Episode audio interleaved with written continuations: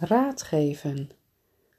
Je hield met vriendelijke woorden, wijs advies en een luisterend oor. Mensen onthullen je vaak hun diepste geheimen en zorgen omdat je van nature een wijze raadgever bent, die op een vriendelijke manier steun geeft. Deze kaart is een raadgever voor jou en geeft je het advies om het werk te kiezen waarbij je hiermee kunt werken omdat je als raadgever werkt, kun je hiermee ook beloond worden, als aanvulling op de emotionele voldoening die het raadgeven je geeft.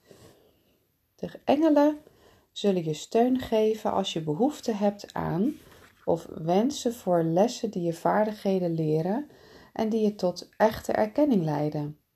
Je weg als raadgever kan ook de kant opgaan van die van een levenscoach of begeleider waarbij je mensen helpt hun doelen en plannen te organiseren in uitvoerbare stappen. Ook kun je de kant op gaan van spiritualiteit en op een traditionele pastorale manier helpen, of op de meer alternatieve manier met een reading. Je werk kan ook schrijven of lesgeven met zich meebrengen. Hoofdzaak is dat dit levensdoel met woorden heelt. Met de juiste training ben je uitermate geschikt om counselor te worden, psycholoog, eh, psychologische, pedagogische en sociale hulpverlening en advisering. Denk alsjeblieft niet dat je eigen leven perfect moet zijn om anderen te kunnen helpen.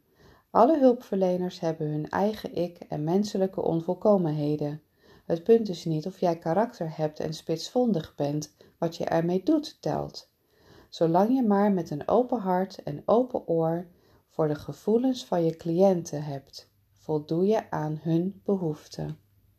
En dat is precies waarom ik mij aangesproken voel voor deze kaart, tot deze kaart.